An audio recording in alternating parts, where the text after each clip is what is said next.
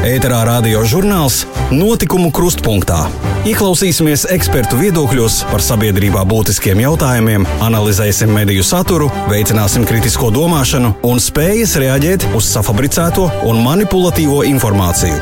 Studijā Tenis Bikovskis.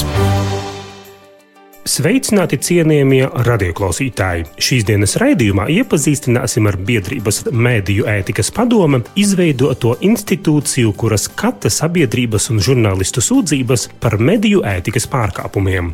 Organizācijā ir apvienojušies mediju un to organizācijas kopā 23 biedri, kas līdz ar to ir apņēmušies ievērot ētikas principus un ieviest tos praksē. Uz sarunu aicināsim biedrības valdes priekšsēdētāju Jāni Lielpēteri. Pārlaposim Latvijas preses izdevumus un ieskatīsimies internetu portālos.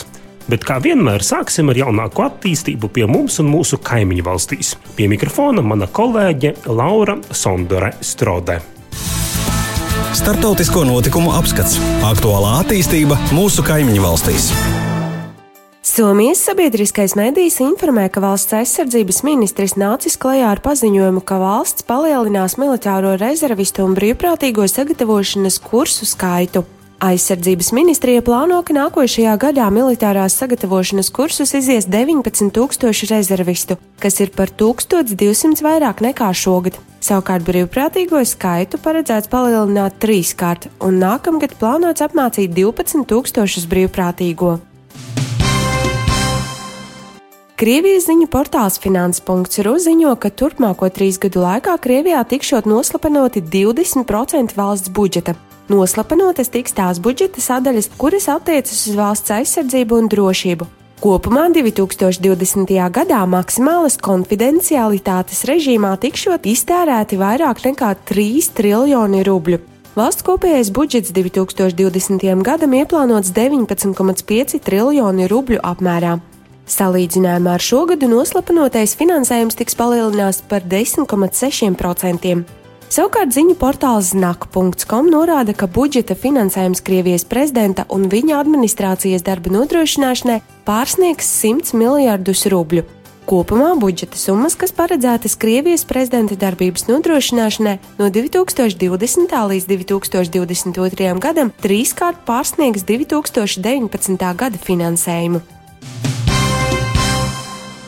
Krievijas ziņu portāls RBK informē, ka Krievijas propagandas informācijas aģentūras Sputnik pārstāvjiem tikusi atteikta akreditācija dalībai ikgadējā Lielbritānijas konservatīvās partijas konferencē, kura notika 29. septembrī Manchesterā. Akreditācijas atteikuma iemeslus konferences organizatori nav norādījuši.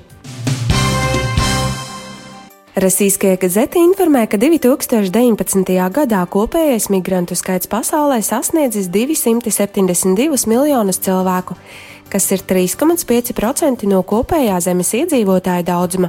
Pēdējo deviņu gadu laikā migrantu skaits pasaulē pieaudzis par 50 miljoniem. Lielākais migrantu skaits, 82 miljoni, ir pārcēlusies uz dzīvi Eiropā. Uz Ziemeļameriku pārcēlušies 59 miljoni migrantu, uz Ziemeļāfriku un Rietumāziju 49 miljoni cilvēku, uz Vāciju emigrējuši 13 miljoni un tāpat arī uz Saudārābiju 13 miljoni. Trešdaļa migrantu daudzumu nodrošina vien desmit valstis. Visvairāk cilvēku emigrē no Indijas, Meksikas, Ķīnas un Sīrijas. Krievijai pēc iekšlietu ministrijas datiem kopš šī gada sākuma ieceļojuši 13 miljoni migrantu, kas ir par 1 miljonu vairāk nekā 2018. gadā. Savukārt ziņu portāls Vedamasci.ru norāda, ka sakarā ar pieaugušo migrantu skaitu Krievijā pēdējo gadu laikā starp valsts iedzīvotājiem būtiski pieaugusi ksenofobija. Kā liecina socioloģisko pētījumu centra Levada centra aptauju dati, no 17 līdz 32% pieaudzis to respondentu skaits, kuri uzskata, ka čigāni Krievijā ir nevēlams etnos. Ksenofobijas un etnofobijas izpausmes sociologi izskaidro ar nepopulārām sociālo-ekonomiskām reformām valstīm. Lietuvas parlaments nolēmis noskaidrot, vai likums pieļauj trešo valstu pilsoņiem apiet valsts likumu un masveidā iegādāties zemi Lietuvas teritorijā, galvenokārt jūras krasta zonā. Saskaņā ar Lietuvas konstitūciju trešo valstu pilsoņiem nav tiesības iegādāties zemi Lietuvas teritorijā, bet, kā liecina fakti, Krievijas un Baltkrievijas pilsoņi darījumiem ar zemi Lietuvas teritorijā izmantojot fiktīvas firmas. Lietuvas parlamenta deputāti vēlas noskaidrot, vai šādi zemes iegādes fakti ir bijuši sistemātiski un, ja fakti apstiprināsies, veikt attiecīgus likuma labojumus, kas turpmāk vēl stingrāk ierobežotu trešo valstu pilsoņiem iespējas iegādāties zemi. Baltkrievijas ziņu portāls Belta informē, ka Latvija ieņem trešo vietu starp ieceļojušo turistu skaitu Baltkrievijā, kuri izmanto nesen ieviesto bezvīzu režīmu. Par to informējis Latvijas vēstnieks Baltkrievijā Einars Seimanis Baltkrievijas un Latvijas turismam veltītā semināra laikā Minskā. Latvijā izdevies trieciens pret nelegālu TV satura izplatītājiem. Kibernozieguma apkarošanas nodaļa sadarbībā ar biedrību par legālu saturu pārbaudīja krimināla izlūkošanas laikā iegūtu informāciju par personu grupu, kas nodrošināja nelegālo televīziju aptuveni 800 mājsaimniecībām. Trīs gadus ilgušu biznesu Latvijā un Pierīgas reģionā īstenojušas četras personas, par nelegālo pakalpojumu šajā laikā iekasējot vismaz 136 tūkstošus eiro. Savukārt Lietuvas radio un televīzijas komisija nolēmusi liekt piekļuvi deviņām interneta vietnēm, kuras pārraida televīzijas kanālu saturu, kas lielākoties ir no Krievijas.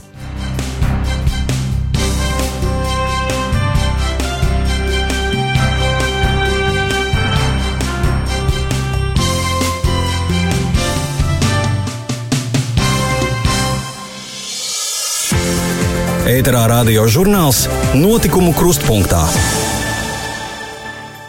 Paldies Laurai par ziņām! Aizgājušā gada nogalē tika dibināta Latvijas mediju ētikas padome. Tā darbojas kā neatkarīgs mediju ombuds, kas izskata sūdzības par žurnālistu ētikas pārkāpumiem. Mēs pie mikrofona esam aicinājuši biedrības mediju ētikas padome valdes priekšsēdētāju Jāni Lielpēteri. Aktuālā intervija. Lielpētera kungs, kādi ir tie gadījumi, kad mediju patērētājs var griezties ar sūdzību pie Latvijas mediju ētikas padomes? Uh, principā tie gadījumi jā, ir tie, kad uh, kāda mediju, uh, kāds medijs ir rīkojies neētiski, un šajā gadījumā kāda no pusēm ir tiešā veidā aizskarta. Un, proti, tas piemērs varētu būt tāds, ka piemēram, mēdījis X ir uzrakstījis uh, rakstu par personu Y, un tad šī persona Y, kurai ir aizskarta un attiecībā pret kuru ir izdarīts šis mēdīju ētikas pārkāpums, mēdīju ētikas padomu var izskatīt uh, šo sūdzību un pieņemt lēmumu atbilstoši par to, vai ir ievērots ētikas kodeks vai nav ievērots. Tā galvenā ideja ir tāda, ka Mēdīņu etikas padome labprāt apstrādā informatīvos nolūkos un sniedz viedokli arī par tādām sūdzībām, kad vispār jebkurš mēdīju lietotājs ir konstatējis kādu iespējams neētisku praksi mēdījos. Šādos gadījumos Mēdīņu etikas padome patur tiesības nesniegt tieši lēmumu konkrētajā lietā un vērtēt tos gadījumus, kad ir kāda no cietušajām pusēm ir iesaistīts šajā lietā. Jo, jo, tā, jo tā galvenā doma no mēdīju ētikas padomas puses ir tā, ka visas organizācijas pamata ideja ir uh, veicināt ētiskas mēdīju prakses attīstību. Nu, tas ir pēc būtības to varētu teikt arī, ka tas ir celt mēdīju uh, kvalitāti, uh, padarīt saturu daudz patīkamāku patērētājiem un tam līdzīgi. Tas, ko mēs redzam kā vitāli, vitāli izšķirīgu jautājumu, ir tieši šo aizskarto personu aizsardzību. Jo mēs redzam, ka iespējams kaut kādos gadījumos, iespējams, kad viena no pusēm nu, ar mēdīja darbības rezultātā ir aizskarta, piemēram, šeit varētu ne, nekvalificēties kā piemēram godu un cieņas aizskaršana. Līdz ar to personai nebūs iespēja meklēt savu tiesību aizsardzību tiesā, bet pašā laikā šī persona varēs vērsties mēdīja etikas padomē un mediju etikas padomu varēs vērtēt, vai konkrētajā gadījumā, piemēram, ir ievērots pienācīgas neutralitātes princips, proti, uzklausīt vairākas tās tā ieklausītās puses un uh, informāciju attēlot uh, objektīvā formātā. Uh, tā kā jā, nu, tā, tā mediju mm, etikas padomas ideja ir pirmkārt vērtēt tos gadījumus, kad kāda persona varētu būt tiešā veidā cietusi no šī mediju aizskāruma un pēc tam jau vispārīgā formā sniegt viedokli par tiem gadījumiem, kad uh, mēdīju vidē ir kaut kādas iespējamas neētiskas izpausmes uh, tādā nu, kopējā mēdīju praksē. Apskatīsim vienu konkrētu piemēru. Piemēram, laikraksts vai portāls Latvijā saņem valsts finansējumu no, piemēram, valsts kultūra kapitāla fonda vai mediju fonda. Pilsonis X uzraksta viedokļu rakstu, bet medijas to nepublicē un uh, to iemeslu neuzdot. Vai ir iespējams vērsties pie jums, lai to izskatītu mediju ombuds? Kā nekā medijas tomēr finansēts no sabiedrības līdzekļiem, un tam vajadzētu sekot. Uh, labai žurnālistikas praksei un uh, veicinātu tomēr viedokļu daudzveidību. Šādiem piemēriem noteikti ir jā, jāvērtē tieši tā konkrētā gadījuma apstākļi, kas ir pausti šajā viedokļa rakstā, kas, kas šis ir par mēdīju un tam līdzīgi. Tas, ko man gribētu teikt, ka uh, šī, šī izskatās pēc situācijas, kurā mēdīja etikas padoma varētu sniegt uh, savu viedokli par to, kā ir vērtējama šāda tendence kopumā. Nu, proti, mēdīja etikas padoma, piemēram, nekonstatē to, ka konkrētajā gadījumā ir pārkāpts uh, ētikas kodeks konkrēts punkts. Uh, bet sniegt viedokli, tādu, ja tā var teikt, kopēju novērtējumu šai situācijai. Un šādā situācijā gribētu teikt, ka Protams, kā jau pareizi arī bija formulēts jautājumā, kad ši, šādiem mēdījiem, kas saņem finansējumu, vajadzētu veicināt viedokļu daudzveidību. Tomēr nu, tur ir jāskatās katrā konkrētajā gadījumā, kas bija ierakstīts šajā viedokļu rakstā, kādas ir motivācijas neiekļaut šo viedokļu rakstu savā, savā mēdījā. Varbūt tās motivācijas ir absolūti objektīvas, varbūt atkal tās ir tieši tā neobjektīvas, un tas ir tieši tāpēc, lai nepieļautu viedokļu daudzveidību. Un tas arī ir tas, kur mēdīju etikas padomu patur šo tiesību vērtēt šādus gadījumus izskatīt viņus un sniegt pilnīgi neitrālu vērtējumu par to, vai šādi vajadzēja rīkoties, vai tā ir labi rīkoties, ko tas nozīmē mēdīju etikas kopējai praksē un mēdīju vidē kā tādai. Jūs varbūt varētu pastāstīt kādas konkrētas sūdzības par mediju darbību, kuras jūs pašlaik izskatāt? Nu, mēs uh, šobrīd esam skatījuši uh, gadījumus, kur kāda persona ir vērsusies pret uh, mēdījiem, kas ir izplatījuši informāciju saistībā ar viņa ģimeni. Uh, un iespējamiem konfliktiem šajā ģimenē. Uh, šī gadījumā mēdīja etikas padomu nesaskatīja to, ka būtu jebkāds etikas pārkāpums. Uh, konkrētajā gadījumā persona bija uztraukta par savu privātumu. Tomēr mēs etikas padomu konstatējām, ka privātums šajā gadījumā ir pilnīgi aizsargāts un konkrētās personas, kuras sevi uzskatīja par cietušo personu, konkrētajos mediju materiālos nemaz nav minētas. Tādā veidā mediju ētikas padome arī secināja, ka šeit nebūtu pamats konstatēt ētikas normu pārkāpumu. Mēs tāpat mēs esam skatījuši arī snieguši šo te, uh, novērtējumu par uh, mediju vidas pašreklāmu un par to, kā uh, šāda reklāma ir ētiska vai neētiska. Un arī šajā gadījumā jāsaka, ka uh, mēs nesaskatījām tās pašas bažas, kuras pauda iesniedzējs par to, ka uh, potenciālā vidas reklāma varētu būt neētiska. Mēs norādījām, ka mūsuprāt šādā, šādas pašreklāmas formātā, uh, šādas pašreklāmas formāts ir atbildīga mēdīņu praksa. Un arī šobrīd mēs izskatām, uh, izskatām sūdzību par uh, sadzīvisku pušu strīdu, kur iespējams kāda no pusēm uh, ir jutusies aizskarta un ka pret viņu žurnālists nav attiecies uh, pietiekami objektīvi, vairāk ņemot vērā vienas puses argumentus, bet neuzklausot otru pusi.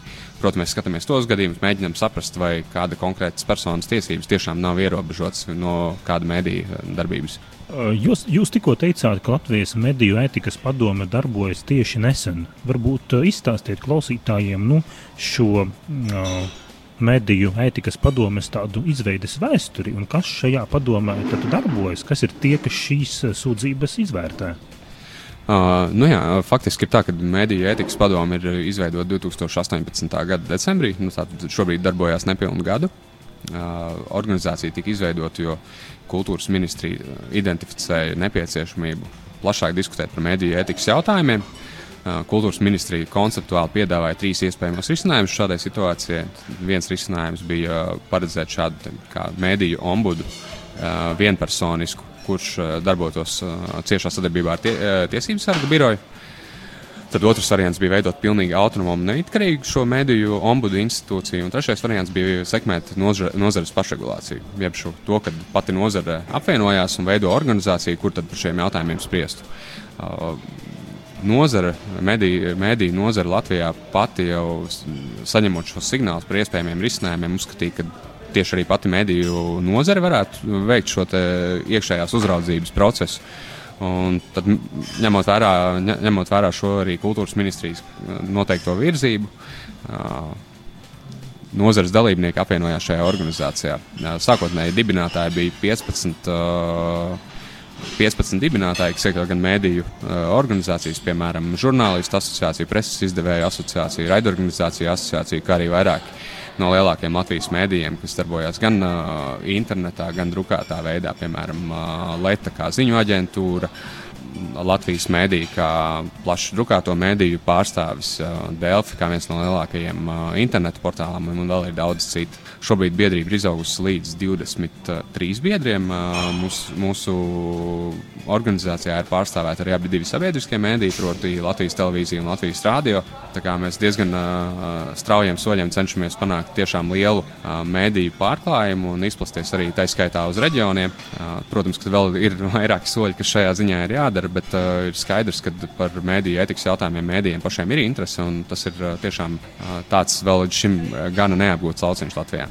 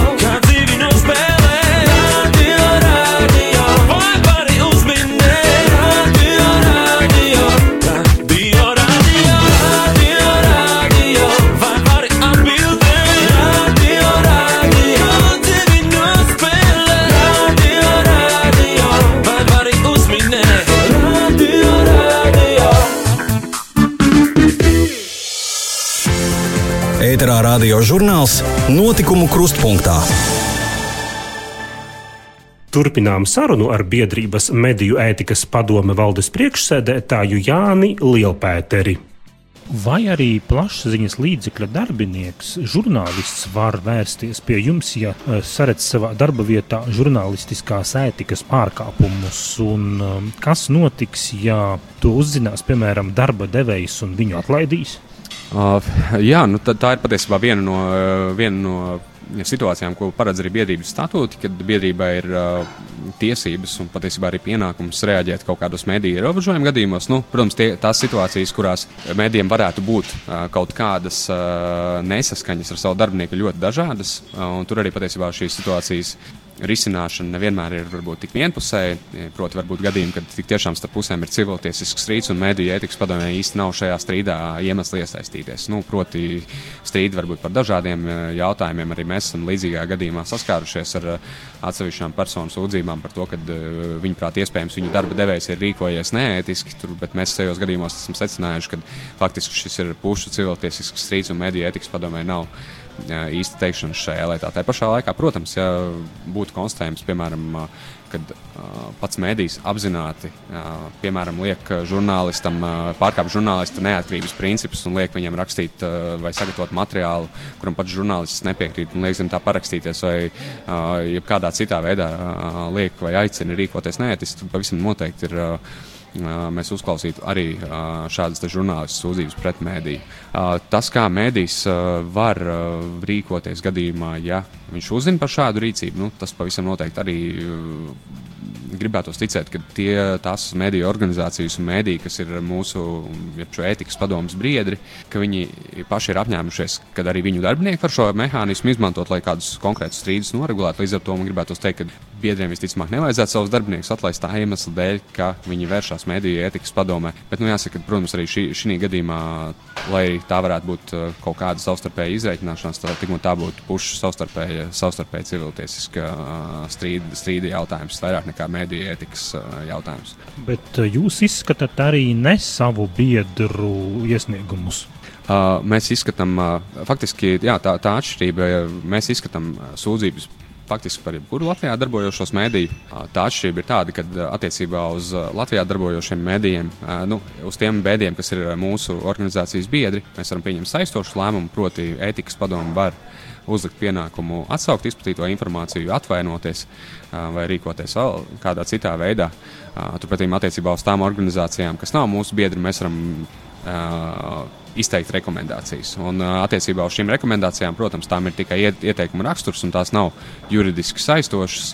Vienlaikus jāsaka, ka mūsu statūtos ir paredzēts arī, ka puses kādā tiesas procesā var vērsties pie mūsu organizācijas ar tiesas starpniecību, lai lūgtu atzinumu par kādu konkrētu jautājumu. Un šādā gadījumā pavisam noteikti, ja tiesa uzskatīs ētikas padomus vērtējumu par labu esam, tad šo ētikas padomus konkrētā jautājuma novērtējumu varētu izmantot arī vai nu. Piemēram, tiesas procesā vai, vai kādās, kādās citās situācijās. Tā kā, tā kā mēs katrā ziņā nevaram tiešā veidā iedarboties uz uh, organizācijām, kas nav mūsu biedri, un tās nav arī mūsu mērķis. Uh, Galu galā jāsaka, ka mūsu mērķis ir kāpināt uh, šīs ētiskas mediju prakses latiņu. Un tas, tas, tas ir veids, ko mēs cenšamies sekmēt ar, caur, caur savu darbību. Un, uh, ir skaidrs, ka arī šī te, teiksim, sodošā komponente pavisam noteikti varētu no, nostrādāt ar pretējo efektu nekā vairāk skaidrojošā un šī uh, izglītojošā komponente, kuras ietrā mēs mēģinām pastāstīt gan sabiedrībai, gan mēdījiem, kāda ir laba un vēlama mediju praksa, pretī parādot varbūt netik labus un uh, neveiksmīgus piemērus. Bet, um, kā jūs pats vērtējat, cik lielā mērā jūsu izteiktais viedoklis ir medijiem saistošs?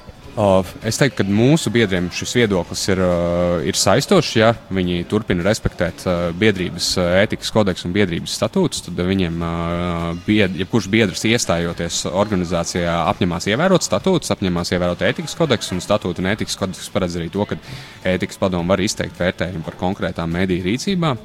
Un šajos gadījumos mūsu biedriem pavisam noteikti šis viedoklis ir jārespektē. Un noslēdzot mūsu sarunu, pēdējais jautājums. Mediju ētikas padome ir piemēram Delfi, arī Latvijas avīze Santa, bet nav neviena medija, kura mērķa auditorija ir krieviski runājošā auditorija, un nav arī neviena latgales plašsaziņas līdzekļa. Kā varat šo komentēt? Uh, nu jā, ja, ja runājam par, par Dēlķiem, tad uh, un, un patiesībā arī citiem internetu mēdījiem, kas mums ir biedri, gribētu teikt, ka, uh, manuprāt, Dēlķi ja nekļūdos, ir manuprāt, populārākais uh, krievu valodā raksturošais internetu mēdījis Latvijā. Uh, līdz ar to nu, tā vismaz tā daļa, kas ir uh, interneta mēdīja, tie pavisam noteikti sasniedz arī krievu valodīgo auditorijas daļu. Tas pats, piemēram, arī ar Latvijas televīziju kur, un Latvijas rādio, kuri darbojās arī šajā auditorijas daļā. Un patiesībā aptver ne tikai Rīgu vai lielās pilsētas, bet aptver arī visu Latviju, tā skaitā Latgali.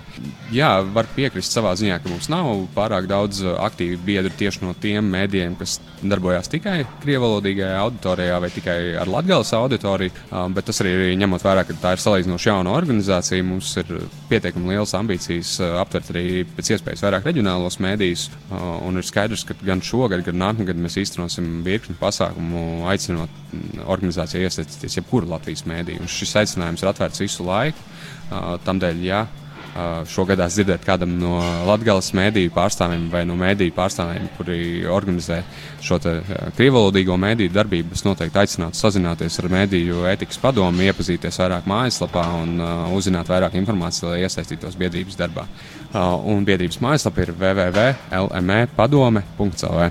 Paldies par sarunu! Paldies! Tik tālu saruna ar Jāni Lielpēteri par ētikas mediju prakses attīstību mūsu valstī. Bet tagad ieskatīsimies Latvijas raksturošajos medijos. Kas tad ir bijis un ir ievērības cienīgs? Latvijas preses apskats. Ko lasām, par ko diskutējam? Sēlijas identitāte aizstāvēta, nākotnes perspektīvas neskaidras. Vēsta laikraksta Latvijas laiks reportāža no Rīgā notikušā pasākuma Sēlijai būt.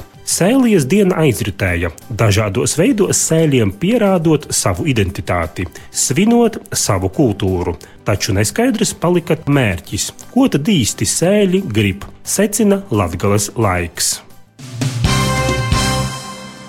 Daugopils portāls Naša.CLV savus lasītājus informē par to, ka Saimas koalīcija izskatījusi Nacionālās apvienības visu Latvijai tēvzemē un brīvībai priekšlikumu par to, ka visām Latvijas pašvaldībām pirmsskolas mācību iestādēs jānodrošina iespēju izglītot bērnus valsts valodā. Koalīcija arī vienojusies par to, ka visās valsts izglītības iestādēs jānodrošina mācības valsts valodā.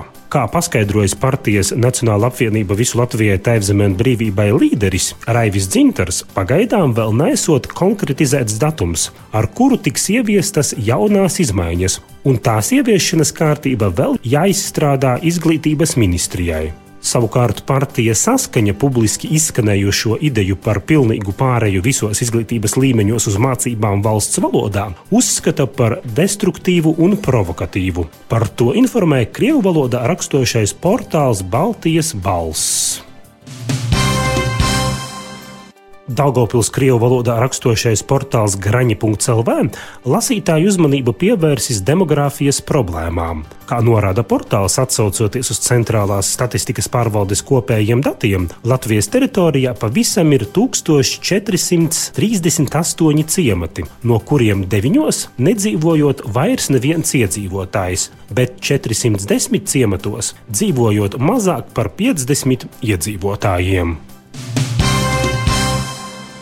Portāls Jēkabpils ziņas.CLV vēsta, ka 4. oktobrī Vidusdaugavas televīzijas ēterā būs otrais raidījums Reforma. Kāpēc Daugopils pilsētas vadība atbalsta plānotās jaunās administratīvi teritoriālās reformas virzību, bet Daugopils novada un Ilūkstes novada vadība ir pret šo reformu? Ko domā šajos novados satiktie iedzīvotāji, kā arī sabiedrībā pazīstami cilvēki? Par to vairāk varēšot skatīties raidījumā Reforma. Arī laikraksts Brīvā Daugava turpina rakstu sēriju Zem lupas administratīvi teritoriālā reforma. Jēkabils novada domes priekšsēdētājs Aivars Vanaks uzskata, ka jāveido divi pašvaldību līmeņi. Jāskatās, kādas funkcijas aiziet pirmajam līmenim, kādas paliek otrajam. Ja ceļus atdot reģionam, tad ir jāspriež par to, kas kuram būtu domāts bija jāspriež, vai Jēkabīlī mēs būtu cēluši daudzfunkcionālo halli. Mēs gribam ļoti lepni dzīvot. Mēs vienkārši daudz ko notralinam. Tā Aivars Vanaks. Savukārt Jēkabils novada uzņēmējs Kaspars Štolnieks uzskata, ka teritoriālā reforma ir vajadzīga, jo cilvēku skaits turpina samazināties. No geogrāfiskā viedokļa izdevīgāk būtu pievienoties Jēkabils pilsētai, jo tur atrodas visas iestādes, kuras nepieciešams apmeklēt ikdienā. Reformas sākumā Sēlijas apvienībā ietilpstošajiem novadiem bija doma apvienoties novadu centrus, veidojot viesītē, Ilūkstē vai Jaunjelgavā. Es uzskatu, ka šī ideja ir aplama, jo Jēkabils novada iedzīvotājiem šie centri nav pa ceļam. tā Jēkabpils novada uzņēmējs Kaspars Štolnieks. Laikrakstā Brīvā Daugava. Laikraksts Latvijas laiks pievērsis uzmanību Daugopils tiesas lēmumam atlikt pašreizējā Daugopils domes priekšsēdētāja pirmā vietnieka Jāņa Lačplēša prasības izskatīšanu pret bijušo domes priekšsēdētāju Rihardu Eigimu par neslavas celšanu sakarā ar paša Eigima lūgumu. Kā zināms, Lāčplēsis lūdzis tiesu uzlikt Rihardam Eigimam par pienākumu radioēterā publiski atvainoties par godu un cieņu aizskarošo ziņu izplatīšanu. 2016. gada 3. novembrī radioprogrammā Igri Pristolov, kurā viņš izteicis apgalvojumus par Lāčplēša iespējamo iesaisti prettiesiskos darījumos. Politiķis vēlas piedzīt arī morālā kaitējuma kompensāciju 1500 eiro un tiesāšanās izdevumus. Savukārt laikraksts Lūdzes zeme, izzinot iedzīvotāju mediju pratību, veica aptauju, kas tika ievietota sociālajā portālā Facebook. No aptaujas izriet, ka kopumā 56% aptaujas dalībnieku izmanto televīziju kā galveno informācijas avotu. Radio klausās 47,2%. Vairums, 57,7% respondentu apstiprina, ka kādreiz ir gadījies noticēt nepatiesai, maldinošai vai viltus ziņai.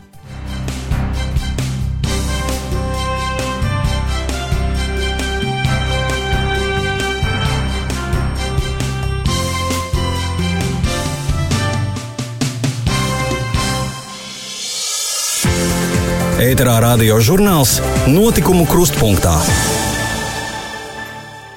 Raidījuma tālākajā gaitā pievērsīsimies melu dekonstrukcijai. Kā zināms, Krievijas doma vēlas pieprasīt atņemt akreditāciju Vācijas raidstacijai Deutsche Welle Maskavā. Tajā pašā laikā Krievijas domas deputāts Vladimirs Žirinovskis regulāri nāk klajā ar klaja ekstrēmistiskiem izteicieniem. Turpina Laura Sondore Strode. Melu dekonstrukcija.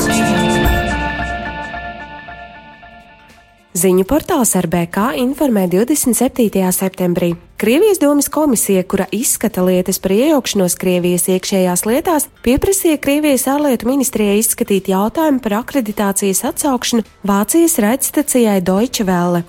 Domas komisija uzskata, ka raidstacijai Deutsche Welle publicējot sociālajā tīklā Twitter aicinājumu piedalīties nesankcionētās protesta akcijās ir pārkāpusi vairākus Krievijas likumus. Krievijas domas komisija apgalvo, ka tās viedokli apstiprina lingvistiskās ekspertīzes rezultāti.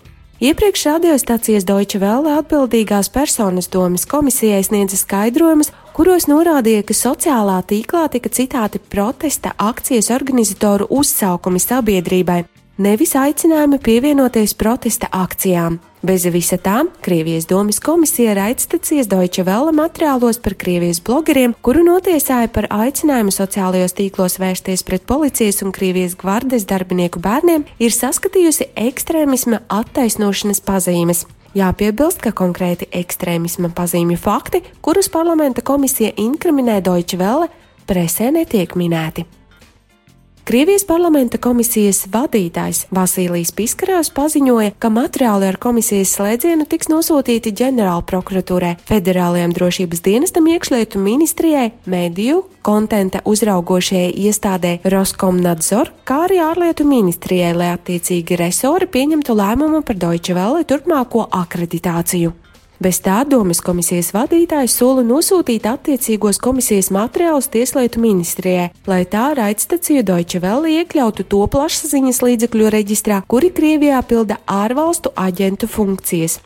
Nobeigumā Krievijas parlamenta komisijas vadītājs piebilda, ka tas būšot adekvāts atbildes gājiens pret izvērstām sankcijām pret Krievijas propagandas mēdījiem kā Russia Today un Sputnik rietumu valstīs kas attiecas uz Krievijas parlamenta komisijas apsūdzības formulējumu ekstrēmisma attaisnošana attiecībā pret raidstaciju Deutsche Welle, tad šeit nevar nesaskatīt Krievijā pastāvošajam režīmam piemietošo divkosību. Radio klausītājiem atgādināsim, ka Krievijas domas deputāts Vladimirs Širinovskis regulāri nāk klajā ar klaji ekstrēmiskiem izteicieniem, kuri liek aizdomāties par politiķa spēju adekvāti uztvert realitāti. 2014. gada septembrī Krimā savas patētiskās uzstāšanās laikā, kura notika Krievijas prezidenta valdības locekļu kā arī parlamenta deputātu klātbūtnē, Žirinovskis paziņoja, ka demokrātija ir jānomaina pret monarhiju, ekonomika ir jāmilitarizē un valstī jāievieš totāla propaganda, kas strādātu dienu un nakti.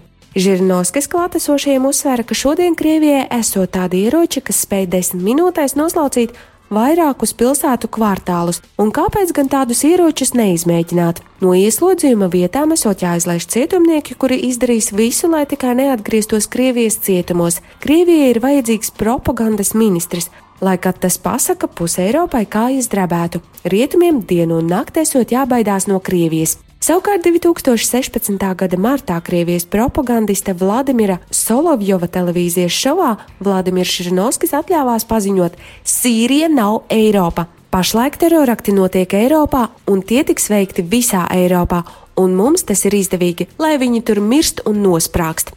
Līdzīgus neadekvātus Krievijas domas deputāta Žirnovska izteicienus, kurus tas veltījis kādai nelielai vārdā nenosauktai valstī 2016. gada maijā, citē Ukrainas portāls gordono.com. Citāts: Ziemeļjūrā ir sala maza valsts, 200 tūkstoši iedzīvotāji.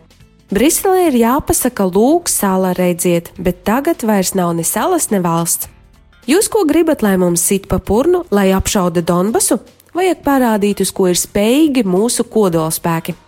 Savulaik Žirnovskis studentu auditorijai nāca klajā ar paziņojumu, ka Nedzežde Savčenko, kura toreiz atradās ieslodzījumā Krievijā, ir jānošauj un jāpakara.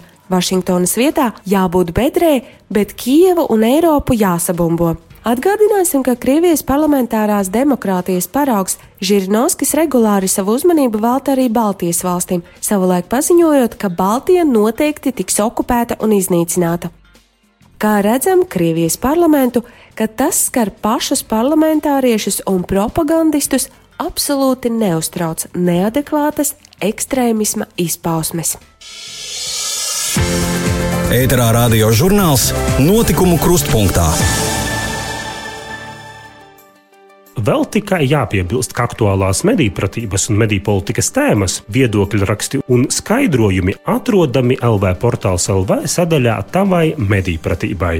Savukārt ar mūsu raidījuma notikumu kruspunktā redakciju varat kontaktēt rakstot uz e-pastu info atdkradio.lv. Visu labu mūsu klausītājiem abos Daugavas krastos novēlu es, Tenis Bikovskis. Uz sadzirdēšanos jau nākošnedēļ! Radio žurnāls notikumu krustpunktā ir sagatavots ar valsts reģionālās attīstības aģentūras finansiālu atbalstu no Latvijas valsts budžeta līdzekļiem.